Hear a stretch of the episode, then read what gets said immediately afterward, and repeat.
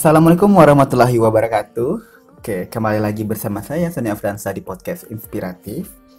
Dan kali ini aku mau cerita tentang perjalanan aku di Malaysia saat mengikuti student exchange dari Skolarion dengan nama program Skolarion Malaysia 2018. Nah, aku mau cerita dari awal kenapa aku milih Skolarion Malaysia. Jadi aku pernah menulis mimpi. Sebelumnya mimpi aku ini udah aku ceritain ya tentang perihal mimpi aku udah aku ceritain di episode sebelumnya. Di mana aku ingin keluar negeri minimal sekali selama perkuliahan. Karena waktu SMA dulu kan aku mimpikan keluar keluar daerah Jambi. Dan di kuliah ini aku ingin gak cuman sekedar di Indonesia tapi juga harus nih keluar negeri kayak gitu. Minimal satu kali. Nah tiba-tiba ada pengumuman gitu di Instagram ah, dan juga di Line. Jadi aku tertarik nih ikut program Skolarian Malaysia. Pertama aku telusurin dulu Skolarian ini apa. Jadi sepengetahuan aku sih Skolarian itu adalah sebuah yayasan di mana memberikan kesempatan seluruh mahasiswa yang berkompetisi di ajang setiap chapter baik itu Skolarion Malaysia, Thailand, Skolarion program ASEAN dan lain sebagainya untuk keluar negeri dengan catatan mereka punya uh, sebuah apa ya, perjuangan yang keras agar dia mampu masuk ke dalam finalis gitu. Nah singkat cerita jadi aku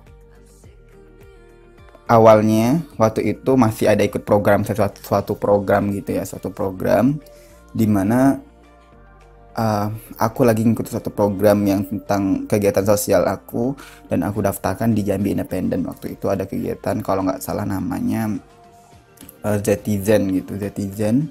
Tapi Zetizen bukan Zetizen National Challenge tapi Zetizen yang Green Escape ya. Jadi aku lagi ngurus Zetizen Green Escape di mana aku rasa aku bisa masuk lah kayak gitu. Intinya aku aku masih uh, apa ya berjuang untuk membuat sebuah uh, apa ya namanya dibilangnya itu paper lah. Tapi bukan paper sih lebih lebih singkat ke ada esai yang singkat. Dan aku udah daftarkan ke uh, ke grid ke jam independen. Karena jam independen merupakan anak dari uh, Jawa Pos gitu makan Oke, jadi enggak kita cerita tentang Zetizen Green Escape ya, maksudnya hanya sebagian sekilas saja. Jadi aku waktu itu sampai jam 8 malam masih di uh, Zetizen Green Escape. Masih di Zetizen masih di, masih di Jambi Independent maksud saya. Jadi uh, terakhir pendaftarannya adalah hari itu juga gitu. Jadi saya bingung karena saya keluarnya baru jam 9-an gitu. Jam 9 keluar dari Jambi Independent. Dan saya putuskan untuk sebenarnya saya ragu sih mau ikut program ini apa enggak. Karena kan deadline waktu kan. Karena deadline jam 12 malam. Jadi uh, saya coba sih. Saya coba aja kayaknya. Yakin nggak dalam hati eh, pilih nggak ya pilih nggak ya gitu. Ah, tapi saya akhirnya kuatnya oke okay deh aku ikut gitu. Ya, akhirnya aku transfer aku minta temanku yang namanya aku ke jam independen berhenti bentar di ATM untuk transfer. Setelah itu baru kami pulang dan kurang lebih itu satu jaman lebih dan akhirnya aku sampai jam sebelasan jam sebelasan gitu jam sebelas tiga puluhan gitu kan dari dari jam independen tadi karena ada sedikit apa ya dibilangnya temanku itu juga mampir ke tempat temennya lagi gitu. Jadi aduh ini aku udah was was duluan gimana kalau aku nggak bisa registrasi? Gimana? Gitu kan. Akhirnya aku memutuskan untuk um, ya 19.30 tuh aku harus segera buka laptop nih kayak gitu. Segera buka laptop. Dan naasnya teman-teman semuanya aku tuh upload di atas jam 12.30 untung servernya nggak langsung otomatis ditutup jadi aku langsung bisa daftar. Gini aku udah was was duluan kan aku udah bayar tapi tapi kok nggak daftar uh, ini gitu. Dan akhirnya aku uh, dengan kilat gitu aku isi semua semua uh, apa ya data-data yang aku punya. Terus ada juga isinya sedikit-sedikit. Lalu aku enter dan aku submit.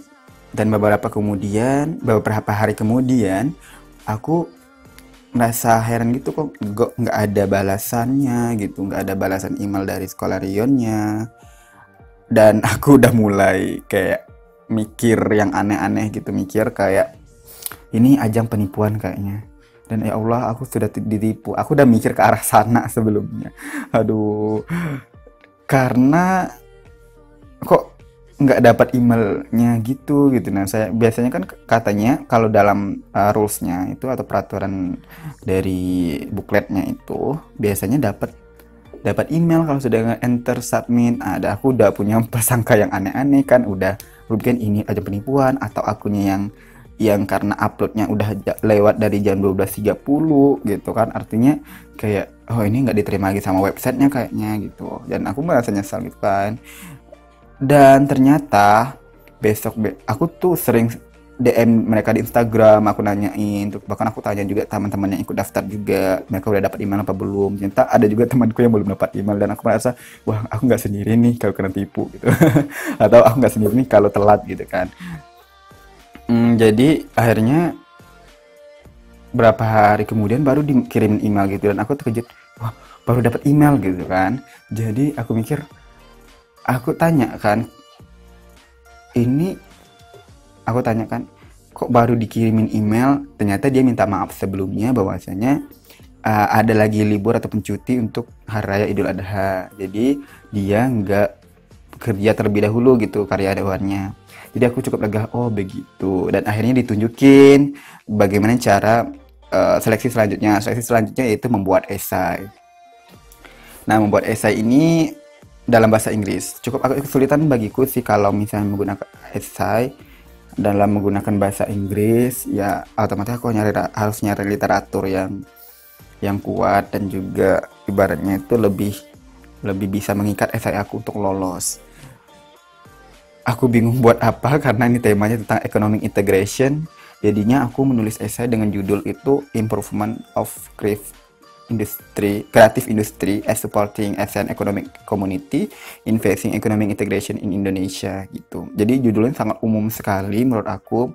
Jadi aku cuma jabarin sekitar beberapa poin, beberapa poin tentang apa yang harus dilakukan uh, si creative industry agar bisa men menyokong ASEAN economic community ataupun MEA gitu untuk menghadapi uh, apa menghadapi integrasi ekonomi di Indonesia gitu. Salah satu contohnya aku kayak membuat bagaimana kurikulum itu nggak mengajar secara teori tapi juga sebagai praktikal kayak gitu. Tapi juga praktikal gitu. Dan lain sebagainya aku juga uh, luapkan sih semua yang ada di esai aku itu gitu. Nah, singkat cerita aku langsung submit aja itu esainya. Uh, aku submit esainya, kemudian ya submit ini dalam artian karena submitnya nggak di dalam website jadi kita kirimnya lewat email ya.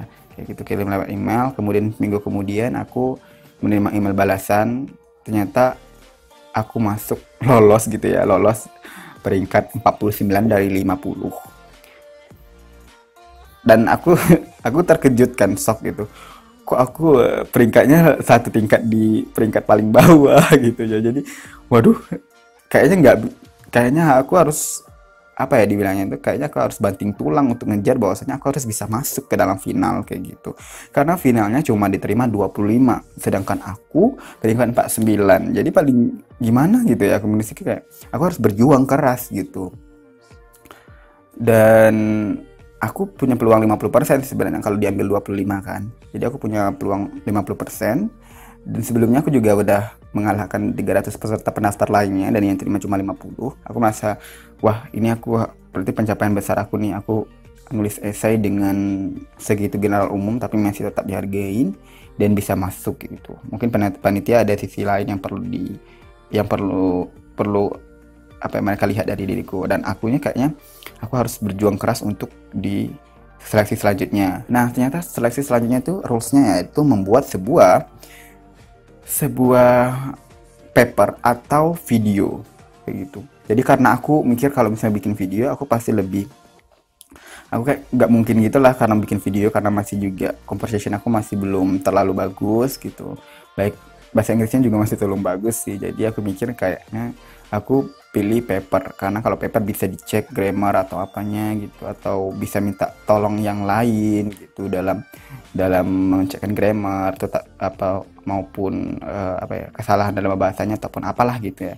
Jadi dibayangin kayak bisa minta bantu gitu kan. Jadi aku milih paper walaupun agak pusing-pusing sih sebenarnya sampai rontok juga. Aku pernah nulis paper sampai rontok kan nulis paper ini.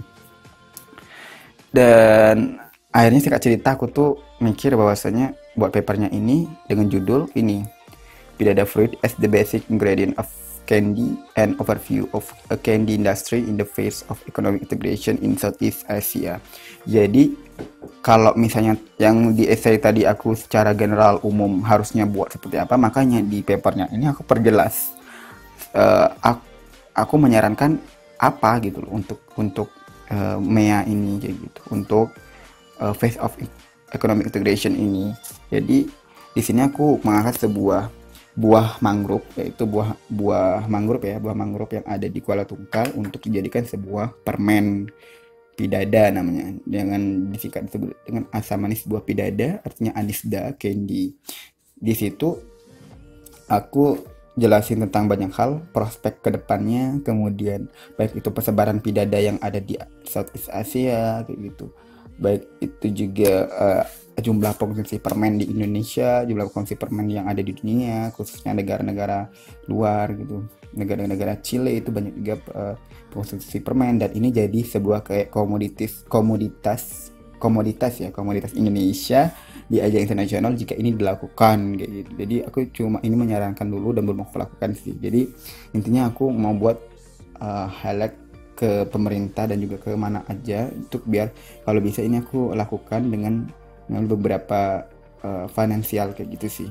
Jadi tidak ada fruit as the basic ingredient of candy menjadi menurut aku kayak sebuah inovasi baru di mana biasanya pidada ini uh, di cuman dijadikan sirup dan itu pun sangat masam sekali dan banyak sekali buah pidada itu nggak dimanfaatkan. Jadi kalau sudah matang turun dari pohonnya langsung jadi trust langsung jadi sampah gitu dan akhirnya aku mikir kayak ini adalah salah satu pemanfaatan sekaligus sebagai uh, solusi dalam mengatasi abrasi pantai juga. Karena kan ketika gini kalau misalnya saya pikir ya kalau kalau ini terrealisasi pidada fruit ini as the basic ingredient of a candy ini maka uh, yang pertama oke okay, akan meningkatkan uh, meningkatkan apa job seeker meningkatkan apa ya penca lapangan kerja itu bahasanya. Jadi meningkatkan lapangan kerja bagi masyarakat daerah sekitar. Kemudian juga menambahkan penghasilan otomatisnya. Kemudian pasti pasti akan orang berbondong-bondong menanam pohon mangrove karena ada industrinya kayak gitu. Jadi orang akan beralih mungkin menjadi suatu misalnya orang sering, ngolah pinang tapi eh berubah jadi ayo kita buat uh, ladang mangrove. Nah dengan adanya ladang mangrove ini tentu akan menjadi sebuah solusi dalam mengatasi abrasi pantai yang yang sering terjadi terus menerus khususnya di Kuala Tungkal. Abrasi pantai kayak gitu. Kemudian juga uh, longsor. Longsornya dalam hal ini ya longsor. Uh, ya gambut lah kayak gitu. Kekeringan tanah gambut dan lain sebagainya. Jadi kita banyak banyak menanam pohon juga otomatis kebaguskan gitu. Jadi sekaligus aku punya uh, apa ya solusi untuk lingkungan juga sih. Selain dari sosial ada impact of sosial impact of uh, environment kayak gitu juga. Uh, mungkin itu sih aku kira ya itu yang jadi poin lebih sehingga aku masuk ke dalam uh, 13 besar. Dan aku ternyata nggak tahu ternyata yang diambil dari 13 aku kira 25 dan aku peringkat 9 dari 13 lumayan menurut aku lumayan membanggakan karena sebelumnya aku kan peringkat peringkat uh, paling paling atas sedikit lah dari peringkat terakhir gitu kan. Jadi sekarang peringkat 9 dari 13 ada 4 ya. Alhamdulillah 4 lah naik gitu. Jadi yang tapi yang penting penting aku highlight adalah yang penting aku masuk ke dalam uh, seleksinya mereka dan aku bisa berangkat ke Malaysia. Cukup singkat untuk mempersiapkan semuanya baik itu dari paspor kayak gitu kan dari paspor kemudian uh, apa ya ibaratnya uh, persiapan alat-alat yang perlu ku bawa seperti baju, seperti uh, notebook dan lain sebagainya. dan tak lupa pula aku harus bawa yang namanya apa ya hmm, cam bukan kamera sih. Aku intinya aku bawa kayak semacam apa ya dibilangnya? Wah susah menjelaskannya ini. Jadi semacam kayak susah jelasin jadi teman-teman kayak itu ya mohon maaf belum bisa jelasin apa ya namanya jadi itulah yang penting ke bawah. Jadi semua yang aku pingin ku bawa bawa aku bawa semua ku saya kan paling teman-teman semuanya aku paling cuman berapa baju gitu ya apa berapa baju berapa celana cuman ku bawa. Dan yang paling pentingnya aku ingin aku pengen belajar dari negara Malaysia sampai akhirnya aku buat paspor selesai tidak aku buat paspor selesai itu sebenarnya buat paspor itu sangat dilema sekali sih sebenarnya. Misalnya mulai dari uh, ngurus berkas gimana ternyata orang tua aku kakaknya belum ditandatangani. Dan akhirnya aku buka lagi. Aduh susah banget itu kayaknya. Itu masih kayak apa ya ibaratnya itu banyak sekali gitu. Jadi mereka harus sedetail mungkin di kakak itu gitu. Jadi akhirnya aku berusaha lah. Sekuat tenaga gimana caranya aku bisa gitu kan. Kemudian itu tuh ngurusnya satu satu minggu ke depan baru bisa diambil. Tapi akhir aku alhamdulillah aku kalau udah lolos aku langsung segera ngurus paspor dan dan alhamdulillah langsung dapat jadi udah dapat paspor di tangan sih. Jadi ketika mereka minta paspor atau apa aku langsung minta. Tapi ternyata paspor aku tuh nggak jadi jadi gitu nah. Paspor aku jadi jadi ya udahlah. Akhirnya um, mama tuh kayak aku di nggak jadi fully funded sebenarnya. Jadi aku ke sana itu pakai apa uang sendiri. Tapi uh, untuk selama aku koordinasi di sana ditanggung mereka gitu. Gara itu gara-gara aku telat ngurus paspor. Jadi teman-teman semuanya kalau ikut program kayak gitu jangan lupa sih untuk kalau misalnya mengurus paspor ngurus paspor. Aku tuh dulu mungkin ada kayak ada event lain yang aku prioritaskan. Jadi mau ngurus paspor itu aku kayak tanggung-tanggung gitu loh. Karena aku lagi nyiapin untuk berkas BDSC kemarin itu Bali Demo Student Conference. Nanti akan aku ceritakan juga tentang pengalaman aku sama ikut BDSC ya. Dan itulah akhirnya aku mikir kayak eh, kan panitia udah siap-siap untuk eh paspormu mana? Paspormu mana? Gitu kan. Jadi aku belum ngirim-ngirim juga karena pasporku belum jadi gitu. Ada yang kendala juga dan aku tuh ngurusnya dalam waktu tempat atau apa. Akhirnya ya udah kayak gitu dan teman-temanku juga ada juga sih yang nggak didanai karena maksudnya nggak didanai fully funded karena emang akunya itu kalau gara-gara akunya. Gara-gara kaminya sih bang gara-gara kaminya. Yang telat. Padahal dia nanti cuma dari Jakarta ke Malaysia dan Malaysia ke Jakarta lagi gitu. Dan akhirnya dengan kayak gitu aku mikir kayak kalau untuk kayak gini sendirian berarti aku harus uh, ngelow budgetin gitu loh. Ngelow budget. Dan dapat sih dapat pesawat yang low budget banget. Karena aku pikir kayak kalau misalnya aku nyerah cuman gara-gara budget atau apa ya sia-sia dong usaha aku selama ini gitu. Sia-sia dong aku udah udah ngerjain paper ngerjain esan lebih sampai begadang-begadang sampai rontok rambut atau gimana sampai bimbingan sana sini. Ya di paper itu aku sampai dibimbing sama ini loh sama empat dosen gitu di mana ada dosen ekonomi juga dosen bahasa Inggris ada dosen yang bahasa Inggrisnya lagi gitu. Ada yang ngoreksin bahasa Inggrisnya ada ngoreksin tentang papernya. Empat atau tiga deh. Eh, tiga ya? Tiga kalau salah. Aku di aku sumpah selama aku event itu jarang banget aku dibimbing sama dosen pembimbing sampai sebanyak itu. Tapi dengan uh, sekolah ini aku merasa beruntung banget bisa dibimbing dengan banyak hal dan aku ucapkan terima kasih banyak buat International Office yang selalu mendukung aku untuk berkarya gitu. Termasuk dia dia kerja berat kerja berat ya kerja keras banget juga untuk bantu aku di sekolah Rion Malaysia ini kayak gitu. Nah itu dia emang. Jadi akhirnya aku mikir kan ini mimpi aku udah setengah lagi nih gara-gara funding. Ya udah deh emang nggak ada ya mimpi aku aku jadi aku bayar tuh kayak semuanya keseluruhan gitu dari uh, Malaysia ke ini ke Indonesia dan Indonesia ke Malaysia juga. Tapi sebanding sih apa yang aku dapat gitu kan. Aku memang berjuang keras gimana caranya aku bisa dapat pengalaman banyak sih di Malaysia. Nah singkat cerita ternyata aku udah sampai nih udah sampai di Malaysia. Untuk teman-teman ketahui juga aku pernah nulis buku bareng teman-teman sekolah di Malaysia itu dengan judul apa ya judulnya? Intinya itu udah pernah nulis buku jadi teman-teman semuanya kalau mau beli bukunya itu bisa hubungan aku sih. Mau baca uh, tentang kisah-kisah kami yang ada di Malaysia kisah-kisah aku kisah-kisah teman-teman aku yang lainnya gitu. Di Malaysia kami mulus buku uh, bisa kontak kami gitu. Aku lupa sih judul bukunya apa kayaknya. Oh ya sekelaran Malaysia intinya sekelaran sekelaran Malaysia. Ya sekelaran Malaysia 2018 itu judul buku yang sama. Tapi ada judul embel-embel lain sih. Apa ya aku nggak aku lupa sudah mohon maaf banget. Dan setelah itu sih setelah aku pertama ya pertama aku aku jadi sebelum aku jadi aku cerita dari awal juga. Aku nginjakin Malaysia ini pertama aku minta temen di tempat teman aku di mana biar itu lebih cepet ke bandaranya gitu kan. Eh ternyata lebih jauh juga ya. Tapi nggak apa-apa sekaligus silaturahmi kan bagi kan. Akhirnya di aku ceritakan ke dia bahwasanya aku mau pagi-pagi harus pergi ke bandara. Terus ya udahlah akhirnya dia nganter aku syukur banget dia bisa uh, nganterin aku gitu kan. Alhamdulillah lah gitu. Dia udah sampai di bandara pamitan sama dia juga.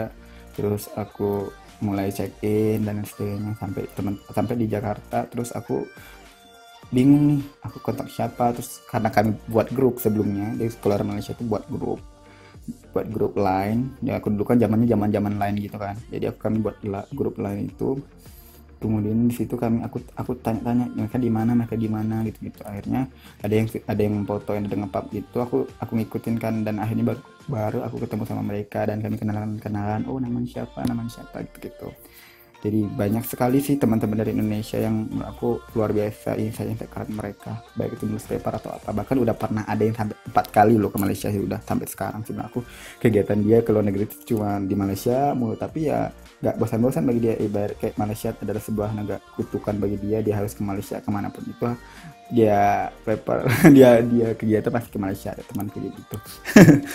Dan oke okay, oke. Okay. sekarang udah sampai di Jakarta terus kami kayak pisah gitu. Karena kan aku bilang kan kalau aku biaya sendiri dulu itu kan. Maksudnya biaya sendiri sih. Karena aku mau minta misalnya dana kampus itu aku nggak yakin gitulah kan. Nggak yakin bisa didanain juga. Aku tahu lah kalau misalnya kampus itu seperti apa gitu. Jadi aku sudah pernah trauma juga sebelumnya di program internasional ini. Aku pernah ngajukan ke kampus tapi nggak didanain. Akhirnya ya udah. Aku mikir kayak ya udahlah ini uang pribadi aja sih dulu siapa tahu besok-besok aku dapat rezeki banyak aku bisa dengan kegiatan ini menjadi pengalaman besar bagi aku kan gitu. Setelah itu akhirnya aku mikir kayaknya ya udahlah kan aku ikhlasin kan. Jadi teman-temanku tuh naik naik Asia apa Lion ya? Nah intinya aku aku naik Lion sih ke ke Malaysia nya kayak gitu. Terus pulangnya aku kalau salah naik oh eh, nanti kita cerita pulang ya. Nah sampai sampai di Malaysia gitu. Sampai di Malaysia aku sumpah sumpah banget terkejut banget. Melihat bandaranya yang luar biasa keren luar biasa. Menurut aku kayak dari luar itu biasa aja loh. Misalnya kayak sederhana tapi ketika lihat di dalamnya itu kayak wow ini paradise. Gitu luar biasa banget eh, bandara Malaysia itu memang keren aku pikirkan. Di aku tiba di KLIA terus nyebutnya Kuala Lumpur International Airport. Uh, terus aku cari temanku juga karena kami kan beda kayak beda ini kan beda pesawat gitu. Jadi aku nunggu temanku datang gitu kan.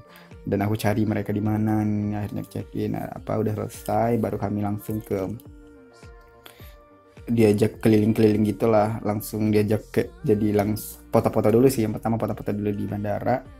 Terus setelah itu baru lanjut ke ikutin ikutin tournya gitu ya ikutin tournya. Ada pertama kami kayak lihat itu lihat apa yang namanya masjid masjid hijau asli masjid masjid masjid pangeran apa raja gitu loh. Kemudian juga ada masjid merah di sana kami lihat masjid merah.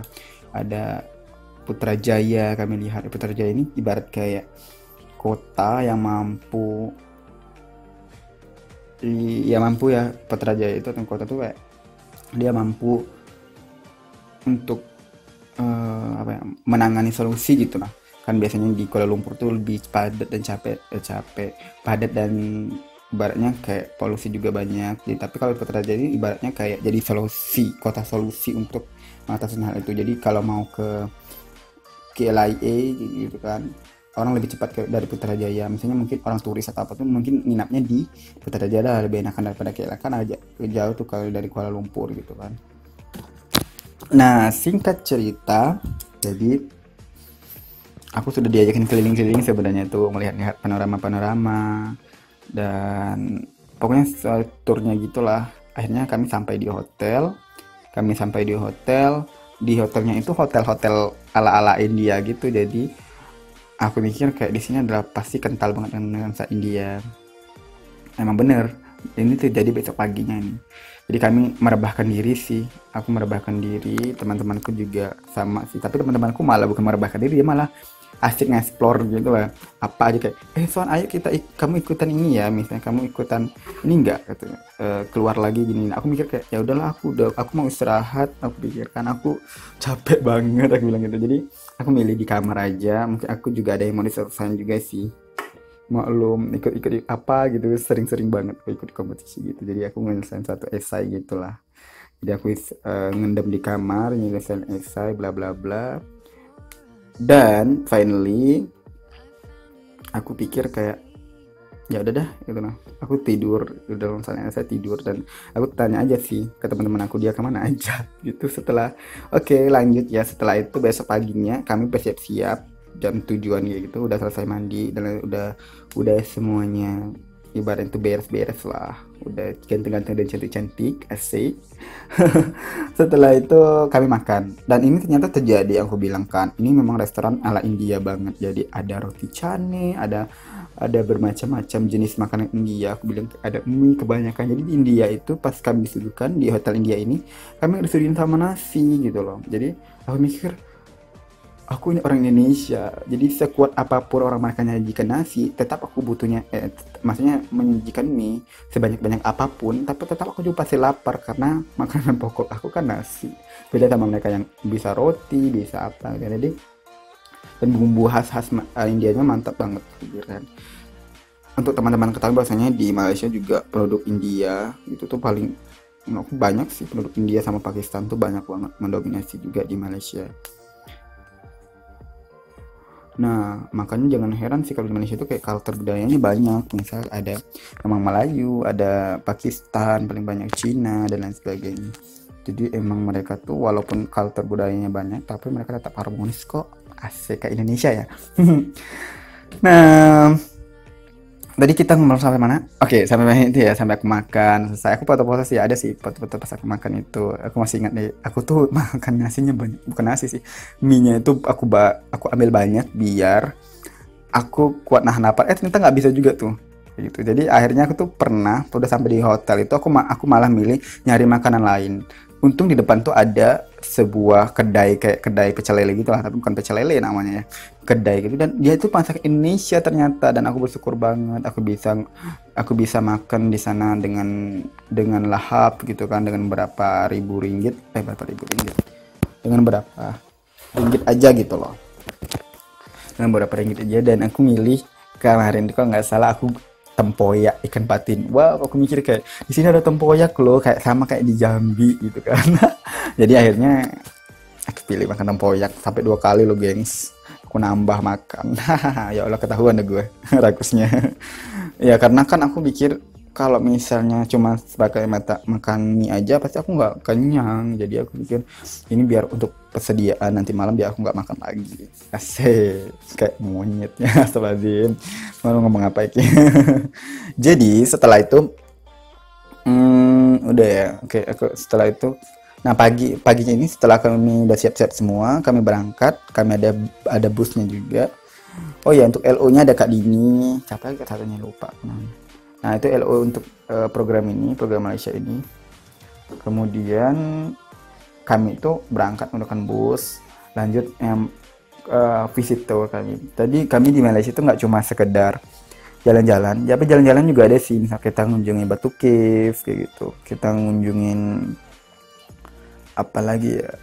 Uh, ke kayak pemerintahan gitu sih aku juga udah lu udah lupa kan namanya satu tahun yang lalu sih. Aku lupa namanya. Intinya kita ngunjungin Petronas Tower juga pasti gitu. Wajib banget kan kalau di Malaysia nggak ngunjungin Petronas Tower jadi kayak mana gitu. Dan aku juga belajar dari beberapa fakultas beberapa universitas yaitu salah satunya di Universitas uh, Unirazak yang Universitas Abdul Razak di mana universitas ini lebih dikenal dengan universitas ekonomik kayak gitu. Universitas bisnis di mana mereka harus membuat mahasiswa yang atau mahasiswa yang di universitas ini hanya beberapa 50% eh, teori dan 50% praktek. Jadi mereka setelah mengadakan teori itu mereka harus praktek kayak gitu loh. Jadi banyak kan mereka punya wirausaha gitu. Karena menerapkan teori yang mereka dapatkan dari kuliahan. Jadi aku setuju banget sama sebenarnya sama sama universitas ini. Seharusnya itu yang harus juga dilakukan di Universitas Jambi. Karena kita juga harus sebenarnya ketika uh, kuliah itu dapat teori dan praktek kayak gitu, bukan hanya sekedar teori.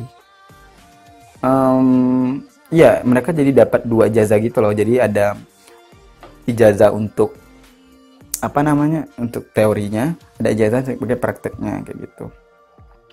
Yang itu aku kayak kagum banget sama universitas universitasnya ini hanya satu bangunan gitu kayak perusahaan gitu ya.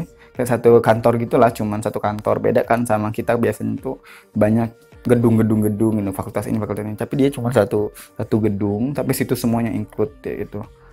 Banyak itu gedung kuliah perkuliahan dan itu banyak lantai sih. Berapa lantai ya? 18 atau 20-an sih Hmm, kami di situ di dapat kuliah umum sih dari dekannya juga dari beberapa dosen. Dan kami dijamu makan juga di sana. Dan kebetulan ya waktu itu aku pas banget Allah itu ngasih kesempatan aku berkunjung ke Malaysia itu saat aku lagi ulang tahunnya. Itu tanggal 8 Januari dan mereka tuh nyambut kayak eh kamu birthday ya kamu happy birthday ya. Jadi kayak mereka ada selamat hari jadi kayak gitu gitu selamat ya pasti pasti Malaysia gitulah dengan namanya ada kak Sony sih. Sama sama kayak aku juga ya Sony. Ya gitu. Uh, sama dia bilang selamat hari jadi gini gini deh atau apa gitu ya. Tania Tania pakai bahasa Malaysia aku kayak wah seneng banget lah gitu. Ini Allah ngasih kayak di ulang tahun aku yang gini Allah ngasih aku untuk berangkat ke luar negeri. Ini keajaiban banget aku bilang.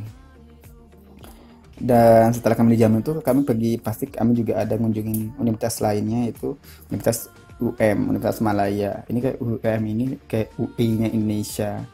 Kalau UI kan nomor satu di Indonesia kalau UM ini nomor satu di Malaysia. Jadi aku nggak nyangka ternyata aku dulu pengen memimpikan kan sebelumnya pengen kayak aku pengen ke UI gitu. Aku pengen nginjain ke UI itu pengen tahu cara mereka belajar anak UI itu gimana.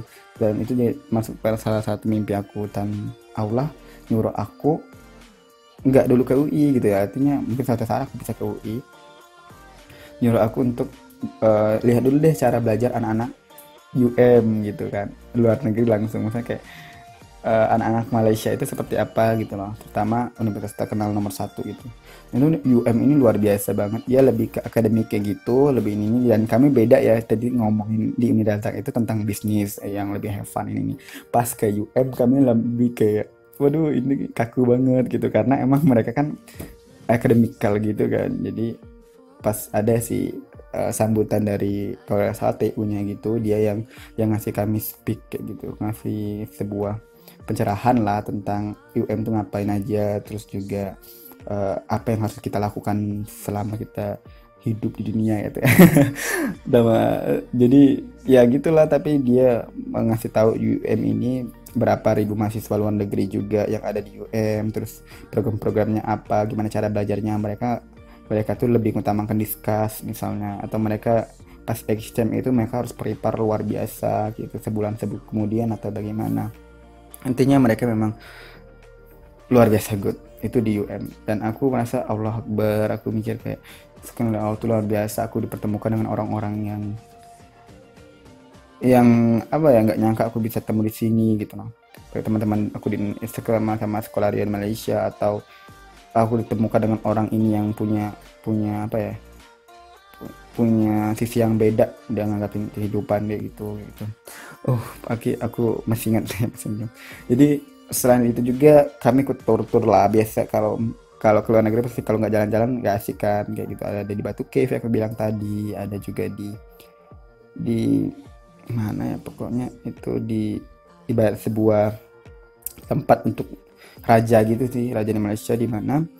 Di situ kalau setiap jam pagi itu biasanya ada hmm, sebuah kuda yang ditunggangin oleh laki-laki yang tampan asing terus di mana? Di mana mereka tuh jaga jaga gitu. Dan juga ada juga orang yang berdiri di depan kasih kerajaan gitu. Dan itu di setiap satu jam sekali digantikan gitu. Dan mereka tanpa sekali tanpa sama sekali itu bergerak gitu. Aku luar biasa wah ini orang kok bisa gitu ya? Aku sempat berfoto juga sama si orangnya itu gitu ya. Dan juga sering foto-foto bareng teman-teman juga. Di Petronas Tower kami juga uh, kumpul dan akhirnya selama perjalanan itu masih banyak sih uh, kegiatan destinasi tournya cuma aku lupa gitu loh mohon maaf sebelumnya ya. Tapi mungkin teman-teman bisa baca sih di buku seriesnya kami di Sekolah Renang Malaysia 2018 udah ada kok bukunya udah terbit. Hmm, dan apa ya? Di akhir kata sih aku pengen ngajakin teman-teman untuk terus bermimpi jangan patah semangat jangan menyerah karena Allah itu pasti akan memberikan sebuah jawaban setiap mimpi kita. Kalau nggak sekarang besok. Kalau nggak besok besoknya lagi pasti akan dijawab. Kalau bukan mimpi yang kita itu berarti bukan itu yang Allah inginkan dari kita. Tapi kita terus berusaha bagaimana yang terbaik untuk masa depan kita. Itu sih yang ingin aku highlighting buat teman-teman dan intinya jangan pernah sama sekali takut untuk melakukan sesuatu. Oke, mungkin cukup sekian dari saya. Saya akhiri wassalamualaikum warahmatullahi wabarakatuh. See you.